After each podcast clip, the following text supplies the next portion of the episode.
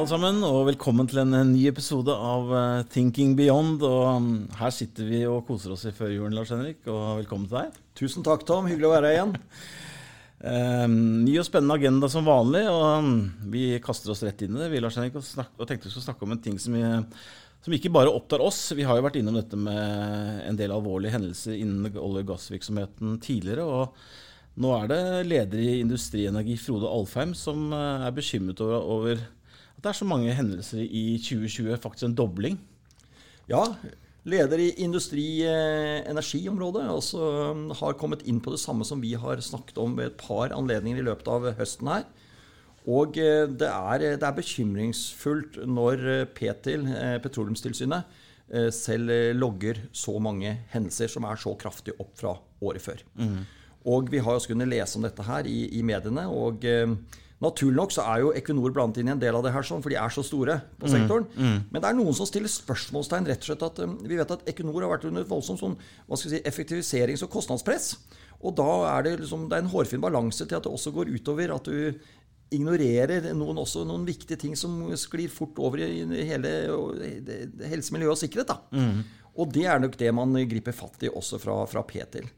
Men det er klart at interesseorganisasjonen eh, Energi, eh, Industri Energiavdelingen, som eh, de vil jo hele tiden ha fokus på best mulig sikkerhet for enhver pris. Mm. Equinor skal også prøve å drive butikk. Mm. Og så ligger Petroleumstilsynet imellom her sånn. Så, men vi har sett noen stygge hendelser. Startet på Melkøya oppe ved Hammerfest, på dette LNG-anlegget med brann. Mm. Vi hadde det på Mongstad, som vi har sagt om. Mongstad har et dårlig merkenavn helt tilbake fra 80-tallet etter en Mong, som vi har sagt om, som var en 6 milliarder kroner og som sendte Arve Johnsen, første CEO-en i Statoil, ut døren. Og så har vi hatt Skjelbergodden nå senest, eh, på metanolfabrikken der. Så det, det, det, er ikke, det, er ikke, bra, det som skjer. Og det er åpenbart en stor økning i antall hendelser. Og dette tipper jeg de har stort fokus på i Equinor nå om dagen. Mm, mm. Veldig bra. Vi skal um, snakke litt om Som vanlig, Lars Henrik, så har du jo vært eh, aktiv på LinkedIn. Og, og, og, igjen så handler det litt om dette med elektrifisering, som, som er et uh, tilbakevendende tema, men som jeg vet at mange lytterne syns er spennende å høre mer om. Og, og nå er det sånn at uh, Norske myndigheter har jo vært veldig på på å prøve at sokkelen skal elektrifiseres. Men, men, det som er litt interessant å se, er at, uh, at EU kanskje ikke er så enig at det, at, at det blir så mye mer miljøvennlig av det? Nei, det har jo kommet fram nå at uh, gjennom dette med taksonomien, som vi har nevnt, altså disse kriteriene mm. for å oppfylle som skal skille mellom hva er det som er reelt grønt, og hva er ikke, og som da kan skli over i grønnvasking. Og dette har noe med hele finansieringen og hele attraktiviteten i sektor å gjøre. Og der er det blitt søkelys, satt søkelys bl.a. på elektrifiseringen av norsk sokkel, men også på vannkraft. Eh, som vi snakket om før. Og mm. da var vel i forrige episode, og da stilte jeg spørsmål om det norske myndigheter og svenske særlig har, har sovet litt i timen her, i og med at vannkraft pga. sitt, sitt hva skal jeg si, livsløp avtrykk i natur bl.a., og også stor forbruk av materialer, uh, betong og stål og slike ting, uh, har, har, kommer litt dårlig ut. Så det er ikke sikkert det faller ut på den grønne eh, siden av streken eh, når taksonomien går i gang om ca. et års tid. Så, men elektrifiseringen det er et, det er et kjempeproblem, og der har jeg vært uttalt eh, motstander av det i all tid. Jeg syns det er økonomisk eh, galskap, og jeg syns eh, det du oppnår er i beste fall en, en lokal forbedring av noe, noe CO2-innhold i luften. Men på globalt nivå så er dette her på ingen måte noe, noe bedre. Men det, det, men det bedrer Eh, Norge sitt CO2-regnskap eh, ved at vi ikke bruker gassgenerert kraft til elektrisitet på plattformene, men drar norsk landstrøm, altså vann-, vann eller magasinbasert kraft, ut i kabler til mm. sjøen. Så du får sånn sett et bedre eh, klimaregnskap, altså med CO2-ekvivalenter på utslipp i Norge. Men som jeg har sagt, du forurenser mer da internasjonalt. Så du, du får ikke noe ut av disse in, in investeringene. Og det er det som jeg syns som jeg kaller økonomisk galskap. Så er det en liten fun fact da, det er en del av de samme aktørene politiske som gjerne vil ha denne elektrifiseringen, men samtidig vil de også eh, lukke ned denne produksjonen eller en del av disse feltene veldig raskt. Så her er det noe motstridende, eller ikke motstridende, det er bare ekstra dumt at de først vil investere, men samtidig vil de også jobbe for å lukke det ned mm. fortest mulig. Så, men eh, det er kommet i, eh, litt under, under i, i, ilden, dette her sånn. Og jeg forstår hvorfor. Elektrifiseringen er å kjøpe seg litt sånn klimaavlatt. Eh, du betaler for noe, og så kjøper du litt dårlig som en litt god samvittighet. Jeg er ikke tilhenger av det. Men um, en, en, god venn av meg faktisk har jobbet på, med dette med Castberg-feltet bl.a. I, ja. i mange mange år. og jeg husker jeg snakket med han i 2014, når dette OPEC-greiene og oljeprisen falt så kraftig, fra ja. over 100 dollar så, så, var det en ganske stor bekymring internt på hvor kostnadsdrivende det ville være da, med den elektrifiseringen. Så tror du på en måte at, uh, hvis de, at Equinor blir, kan være letta over å slippe å ta så store kostnader med elektrifisering?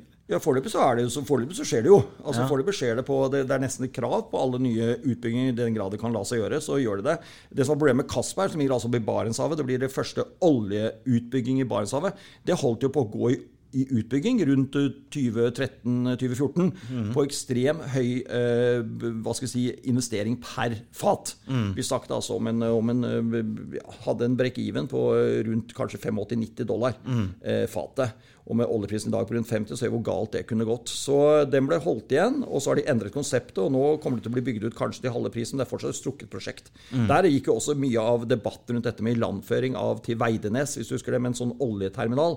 Og det er sånn, sånn håpløst at du skal liksom dra oljen til land for å ha noen få titalls arbeidsplasser der i driftssituasjonen på Veidnes. Veldig kostbart. Så det er mulig de slipper det nå. og Da vil de ta oljen direkte fra Castberg-feltet og på, på, på tankere. Mm. Eh, offloade der ute, og så rett ned til markedet. Og ikke ta det i land. Men det er en, det er en helt annen lang historie. Mm. Castberg blir ikke noe veldig veldig lønnsomt felt. og eh, jeg, jeg, sa det første, det er feil. Det er Goliat som er det første, men det har jeg jo nesten har lyst til å glemme det, for det er en økonomisk katastrofe. Eh, Goliat. Eh, blitt forferdelig. Så eh, det er, det, det, det er, komplisert å bygge ut i Barentshavet. Nå har vi jo Snøhvit, vi har Goliat, og så kommer altså Castberg. Du, um, Vi skal ta veldig kort. Jeg bare snappe også på at du, du snakket litt om uh, et hvor faktisk din, kone er sjef. så Vi skal ikke drive for mye reklame om det, men mest er jo et ikke-børsnotert selskap. Men, men dog kanskje Norges største selskap på dette, dette med drift og vedlikehold av vei, veinettet vårt. Og da hadde du også en litt, synes jeg i hvert fall, en litt spennende artikkel dette med, med veisalting og hva de gjør nå for å prøve Ja, Det viser, Tom, hvor mye det er som er rundt oss, som vi kanskje ikke reflekterer nok over. Men eh, det er poenget, det er Mesta, ja, og det skal nevnt at min kone er, er, er sjef der. Men jeg syns det er spennende når jeg ser sånn innovasjon fra et sånt selskap som bruker så mye veisalt i året. Og det er fordi at det er en del av kontraktsregimet. Mm. At de skal salte så og så mye, mm. og nesten hele tiden. Og det har vært en sånn oversalting. Og det har liksom selskapet her og kona og hennes eh, ledergruppe grepet fatt i. Og ser nå på nye løsninger for å få det kraftig ned. Og Jeg skriver i den artikkelen at man salter altså 250-300 millioner kilo i året. Det er altså over 50 kilo per norske person i året bruker man av veisalt. Og der, Da skjønner folk hvor mye dette er. Og når da eh, Mesta sier at de kan kutte dette kanskje med 25% med bruk av ny teknologi, altså med værdata og algoritmer, også en ny form for intelligent strøing, at du bare salter når det er behov, og der det er behov. Men Vi skal ikke snakke mer om det her. Jeg syns det bare er veldig spennende, for dette er, dette er utrolig store, store volumer vi snakker om veisalt, og det er ikke bra for naturen og kanskje ikke innsjøene og grunnvannet vårt. Nemlig. Du, Det er andre spennende ting som, som skjedde denne uken, her, eh, Lars Henrik. og Vi ser bl.a. at eh, AstraZeneca eh, gjør et gigantisk oppkjøp innen biotek på faktisk hele 344 milliarder kroner. og det det er et svensk-britisk AstraZeneca som kjøper et selskap som heter Alexion Pharmaceuticals. Så ja. Det er en ganske altså Jeg skal ikke bruke ordet oppsiktsvekkende, men det, det, er et stort oppkjøp, til og med i dagens klima. Ja, det, det, er stort. Eh, 344 milliarder kroner nevner du, og det er jo det som var market capen til, til, AstraZeneca bare for noen år siden selv, men nå, nå gjør de så store oppkjøp. Mm. Eh, men det er, det er, klart det er, det er, store penger. men eh, AstraZeneca har jo selv blitt verdt over, over 1000 milliarder, vel. Så, så, men det blir en mastodont. Nå kjøper de et spennende biotekselskap som har jobbet med transformerende med medisiner for pasienter, altså veldig kompliserte for, eh, for veldig alvorlige sykdommer. Mm. Så det som jeg syns er spennende å se med dette, er jo at det kanskje er Jeg tror at 2021 kan bli et, veldig, et år hvor det blir veldig fokus på M&A, som heter, eller fusjoner og oppkjøp. Mm. Og hvorfor tror jeg det? Jo, eh, nå har vi et veldig bra år bak oss, og en del selskaper har fått veldig sterk valuta. Med sterk valuta mener jeg at de har en veldig høy aksjekurs. Mm. Eh, de har ønske om å vokse. De har en balance sheet, eller en balanse, som, som, som, er mulig å vokse med. Mm. Og de har en stor tilgang på lånekapital. Og ikke bare at, at lånemarkedet er åpent, men det er også billig. Mm. Og det er langs, lang, langsiktig billig. Det betyr at du kan få lange, ganske lange eh, hva skal vi si, de, de renteavtalene mm. er bindende ganske langt fram i tid, så du kan finansiere eh, oppkjøpet ditt med lave renter i lang tid. Så den kombinasjonen der at selskapene vil vokse Det holder kanskje ikke å vokse uor, u, hva skal jeg si, organisk, så de må vokse uorganisk ved oppkjøp. eh, Og alt ligger til rette for at dette kan skje i stor skala i 2021. Forutsatt at ikke markedet liksom blir nervøst, eller at renta begynner å gå kraftig opp. Men sånn så kan vi få 2021 kan bli veldig bra for fusjoner, fusjoner og oppkjøp. Jeg tror det er de store temaene for neste år. Det som også er litt spennende å se, er at uh, blant annet det selskapet AstraZeneca kjøper, det er faktisk et selskap som fokuserer også på litt mindre, mindre sykdommer. Så, så Ja. det, det, er, det synes jeg er Mindre kompliserte sykdommer. Eh, når du refererte dette her uh, med skal man bruke inflaterte børskurser og en god valuta, da, for å bruke det ordet, Ja. så mener jo, vil jeg jo tro at du mener det at det som er Når børsene og markedsverdien på de ulike selskapene har gått så kraftig opp, Ja. så betyr jo det at eh, og fremtidstroen har blitt høy, så betyr jo det i prinsippet at selskapet da får mye mer handlingsrom. da. For du kan kjøpe ting, for du vet at prisen du gir er ganske høy, for du har en høy verdi Ja, det er, det er to, to poeng med å ha en høy aksjekurs, altså i form av multipler. da. Det er at eh, Faren ved det er jo selvfølgelig at eh, mye ligger i fremtidstroen. altså Markedet har veldig tro på framtiden. Derfor er det, ignorerer de at du ikke tjener penger nå, i år og neste år og året deretter. Men det ligger en voldsom tro. Så den troen må du som selskap klare at, å opprettholde i investormarkedet. At de fortsetter å tro på at eh, din, din, din historie om 5 og 10 og 15 og 20 år er bra. Ellers så forsvarer du ikke aksjekursen. Men det som er også veldig viktig, det er dette med styrken i valuta. Har du først oppnådd å få en høy multiple, og mye høyere enn dine konkurrenter, så skal du kunne vokse med det som heter en mer kapitalsmidighet, eller mer effektiv eh, kostnad. Eh, på fagbegrepet blir at din, din, din, din eh, vektede kapitalkostnad, altså WAC, Weighted Average Cost of Capital, den går jo ned. Og så lenge du kan vokse med en lavere eller mindre belastning på finansiell kostnad ved at du har god lånetilgang, billig, og at aksjekursen din er høy, eller at multiplen er høy, da kan du utse ny kapital enda mer gunstig enn konkurrentene dine. Da skal du kunne vokse egentlig litt sånn til evig tid, så lenge du har den fordelen i forhold til konkurrentene.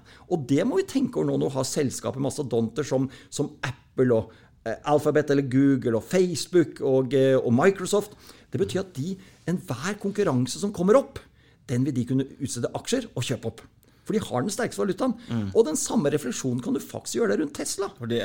Tesla har jo P1 1200 ganger nå, er en enorm posisjon. Og de kan jo gå ut og hente 5 og 10 milliarder dollar på, en kvelds, på kveldstid nå, så vil meglerhusene utstede den nye kapitalen. Det det en- stiller i en fantastisk sterk posisjon.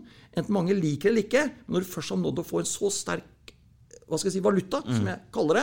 Hvis du ikke misbruker den, men bruker den eh, fornuftig, så skal den gjøre at du skal kunne trekke fra feltet.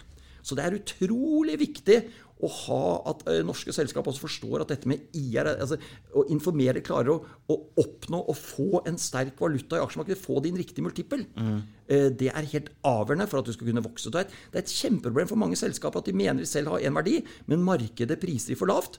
Da har de det jeg kaller en IR-gap. Da klarer de ikke helt å formidle sin verdi til markedet. Og IR-direktøren bør kanskje finne seg noe, noe nytt å gjøre. Eller så må de få hjelp utenfra til å få opp egentlig forståelsen av selskapet for å skape den rette verdien. For det er helt avgjørende, som jeg sier, å ha, ha en sterk valuta for å kunne vokse fortere enn konkurrentene. Det var morsomt at du dro opp Tesla, for det, det, var, det var faktisk mitt neste spørsmål. Jeg, at, jeg synes jeg leste noe om at de, de er prisa høyere enn de ja, kan ha vært de ni største produsentene. Kan vel ikke Det er stemme? helt riktig. Altså, er nå, er jo, nå er jo aksjen er nesten i høyden. Den er jo nærmer seg 640-650 dollar. Og etter dette SMP-inkluderingen, som nå skjer 21.12., men når det ble annonsert for noen uker siden, så har jo, da lå vel aksjen på rundt 460 dollar. Og så har den altså gått opp rundt det nærmer seg en 40% 50% siden det. Så nå er det riktig, Tom, at eh, markedsverdien, altså verdien av egenkapitalen til Tesla, er like mye som de ni neste på listen. Og der er alle de kjente merkenavnene av biler som vi vokste opp med.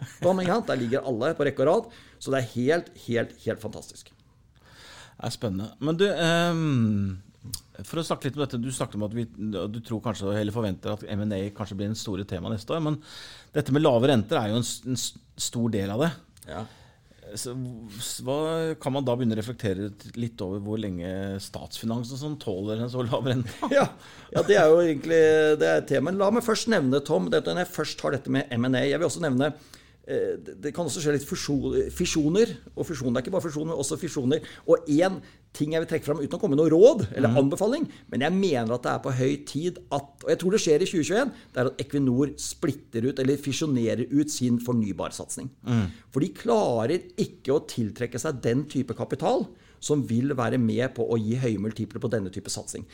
Equinor begynner å få en rimelig Gradvis så blir de rimelig fokusert og rimelig store. Mm. Og det er kommet nyheter også nå siste uka på hydrogen. Eh, store prosjekter. Og de er på offshore vind, som vi vet. Og eh, jeg tror det er, det er overmodent for at eh, Equinor nå bør eh, fisjonere dette ut. Jeg har tidligere nevnt hvor stor eh, verdi sånne selskap kan få hvis det er tiltrekker rett kapital og vokser kraftig. Da har jeg mm. nevnt dette Ørsted i Danmark, mm. som nå er jo verdt 1,3-1,4 ganger verdien av hele Equinor. Mm. Ikke at Equinor er der med en gang, men jeg tror det ligger store eh, skjulte altså reprisingsverdi hvis de fisjonerer ut eh, sin Equinor Renewable nå etter hvert og lar det bli et eget selskap. Så der tror jeg det ligger en betydelig spennende sak. Når det gjelder dette med statsrenter, så er det riktig at vi ser i mediene nå at mange fokuserer på at liksom rentene etter hvert skal opp på statspapirer. Mm. Og det er naturlig å si når renta ligger på null. Mm. Men, eh, men, eh, så er det liksom Jeg vil snu på huet og si liksom Tåler verden høyere renter? Mm. Det eneste vi vet, er at statsgjelden er blitt, rundt i verden er blitt høyere enn noen gang. Også mm. gjennom koronakrisen har det jo blitt eh, voldsom hva skal jeg si, mye ekstra gjeld. Mm. Må ikke glemme det. Og da må du stille spørsmål liksom, kan denne gjelda overhodet håndteres med en høyere rente? Jeg vil minne om bare i USA nå, så er det sånn at bare å finansiere gjelda fra over et år vil eh, koste 270 milliarder dollar mer i året for hver prosentpoeng statsgjelda går opp mm. i rentekost. 270 milliarder dollar. Mm. På 1, på, på 1%. Mm. Og så kan du tenke deg hva det er rundt i verden. Altså, du kan ta Japan, du kan ta alle i Syd-Europa og sånne ting vi, vi, er i en liten sånn der boble her oppe i Norge, og eh, for så vidt også litt i Sverige, men det er mye gjeld rundt omkring. Dramatisk mye gjeld. Eh, Frankrike, Italia, Spania, Hellas, USA og eh, ta asiatiske land, men Japan spesielt. Så liksom, høy rente det er, også, det er en stor belastning. Jeg stiller spørsmål er, har verden råd til høye renter. Mange vil ha renta opp. Jeg, jeg, jeg er ikke så sikker på at det rett og slett går. Husk i fjerde kvartal 2018 eh, hvordan aksjemarkedet reagerte på de stigende rentene i USA. Eh, det sendte aksjemarkedet ut i et, i et ordentlig stup, mm, mm. hvis vi, vi har ikke glemt det. Og så reverserte man det med faktisk å sette renta ned igjen. Og da kom aksjemarkedet seg opp. Mm. Så jeg tror, ikke, jeg tror, ikke, det tåler det. Vi får se.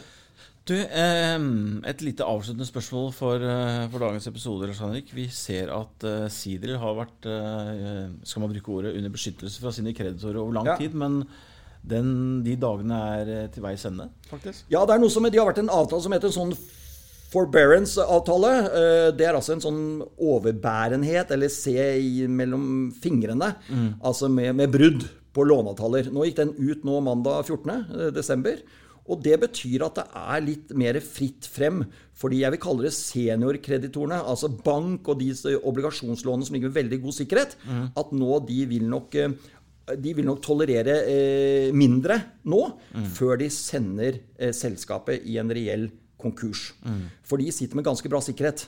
Så nå er ikke, er det ikke skjermet lenger. Så jeg tror vi bare er nærmere at uh, noe vil skje. Mm. Og uh, all egentlig veldig usikret gjeld og egenkapital er jo reelt sett uh, litt, litt, borte her. Mm. kommer til å se. Så det, det, det, blir en ny situasjon i Sidril nå, i og med at denne avtalen ikke gjelder. Denne litt sånn overbærenhet, eller standstill. Eh, de kreditorene som ligger høyst oppe i, i, vannfallet, som jeg kaller det, med best sikkerhet mm. ved en konkurssituasjon, de vil nok kunne kreve mer nå for ikke å tilta sin pant. Sin pant. Nemlig. Veldig bra, Lars Henrik. Da mm, er vi ved veis ende for dagens episode. Så vil jeg vel bare avslutningsvis si at neste uke blir en sånn liten uh, lille julaften spesial. Hyggelig. Og da tenker vi selvfølgelig å bruke den episoden for å ta et lite tilbakeblikk på de viktigste hendelsene for 2020. Og de har jo vært mange, både positive og negative. Så da eh, gleder vi oss til det, Lars Henrik. Og så sier vi takk for i dag. Takk skal du ha, Tom. Fint, ha, ha det.